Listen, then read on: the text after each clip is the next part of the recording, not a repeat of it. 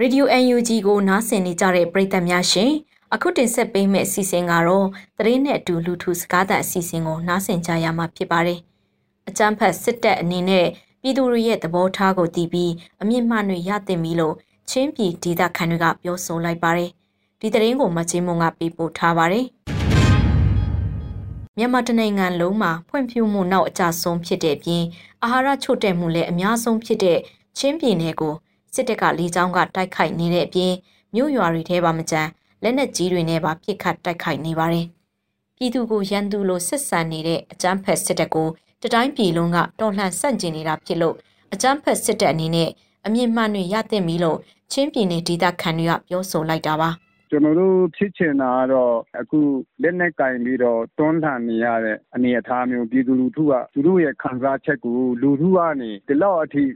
မဲမတမာမှုကို အကြောင်းပြုပြီးတော့ အာဏာသိမ်းလိုက်တဲ့ဟာကို မဟုတ်ပါဘူးဆိုတဲ့ဟာ မြန်မာပြည်တစ်ပြည်လုံးမှာရှိတဲ့ ပြည်သူလူထုကနေ ဒီလိုမျိုးဆန္ဒဖော်ထုတ်ပြီးတော့မှ တွန်းလှန်နေတာကို ဒီစစ်အာဏာရှင်တွေက သိသိနေလို့ ကို့အမားကို ကိုသိပြီးတော့မှ တိုင်းပြည်ကိုပုံမဆိုးပါတဲ့၆ထဲမရောက်ပဲနဲ့ အားလုံးနဲ့အဆင်ပြေအောင် သူတို့အမားတွေကိုပြည်သူတွေကိုဝန်ချပြီးတော့လုပ်လို့ရှိရင်ဘယ်လိုပဲနေနေပြည်သူလူထုကအသက်အိုးအိမ်စီးစိမ်တွေဘလောက်ပဲဆုံးရှုံးဆုံးရှုံးကျွန်တော်တို့မြန်မာပြည်လူမျိုးတွေကပြီးခံခြင်းခွင့်လွှတ်ခြင်းမေတ္တာတရားနဲ့ရှင်သာနဲ့အတွက်ခွင့်လွှတ်နိုင်နေတယ်အဲ့လိုမျိုးရှေ့ဆက်ကိုမြန်မာပြည်သူလူထုနောက်ပြီးရင်ကျွန်တော်မြန်မာကလေးတွေရဲ့အနာဂတ်ကိုပုံမပျက်စီးတဲ့အနေအထားမဖြစ်အောင်သိစေချင်တယ်သိသိနေလို့ပြောချင်တယ်ခုနေချင်းကအချိန်ကြီးရှိပါသေးတယ်နောက်ဒီထိုင်ဒီတိုင်းနဲ့ဆက်သွားမယ်ဆိုရင်တို့မှတို့မြန်မာပြည်ရဲ့အနာဂတ်ကပုံမဆိုးွားပြီးတော့ပညာရေးကျမ်းမာရေးနဲ့ကမ္ဘာအလယ်မှာအလွန်ကိုတိမ်ငင်ပြီးတော့မျက်နှာငင်ရတဲ့လူမျိုးတွေဖြစ်သွားကုန်မယ်အကုန်လုံးကဘဝကြီးပျက်စီးကုန်မယ်အနေအထားမျိုးကိုဥတည်ပြီးတော့ရောက်လဲရောက်နေပါခုနေချင်းကို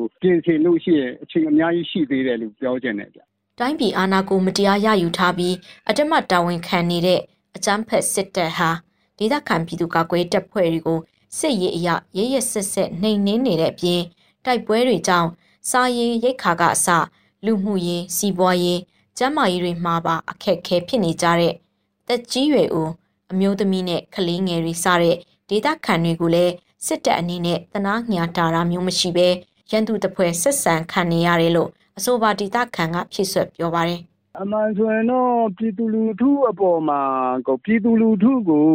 ရန်သူတပွဲရန်သူတပွဲဆိုတာထက်ကိုရန်သူလို့သဘောထားပြီးတော့ဖိနှိပ်တိုက်ခိုက်နေတယ်လို့ကျွန်တော်တို့ကခံစားရတယ်။ဘာဖြစ်လို့လဲဆိုတော့စီရေးပြစ်မှတ်တစ်ခုကသူတို့ တွန်းလှန်နေတဲ့ BDF လိုမျိုး CDF လိုမျိုး လက်နက်ကင်အဖွဲ့အစည်းနဲ့ တိုက်ပွဲဖြစ်ရင် ဒီလက်နက်ကင်တဲ့ အဖွဲ့အစည်းကို ပြန်ပြီးတော့မှပြစ်ခတ်တာ တိုက်ခိုက်တာ မဟုတ်ဘဲနဲ့ကြေးရွာတွေထဲမှာ ရမ်းပြီးတော့ လက်နက်ကြီးနဲ့ထူတယ် ပြည်သူလူထုတွေနေတဲ့နေရာ လေရင်နဲ့ ပစ်တယ် ဆိုတော့ ပြည်သူလူထုကို ရန်သူတပွဲ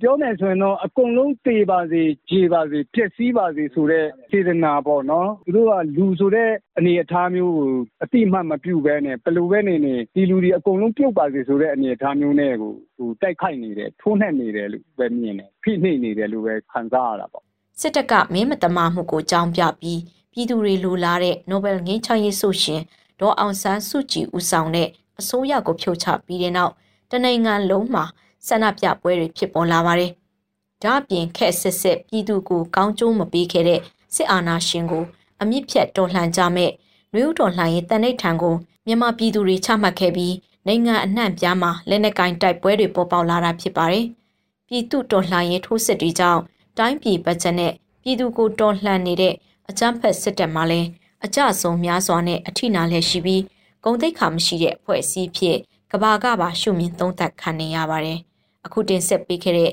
မြေပြင်သတင်းအကြောင်းအရာတွေကိုတော့ Radio UNG သတင်းထောက်မကျင်းမွန်ကပေးပို့ထားတာဖြစ်ပါတယ်ရှင်။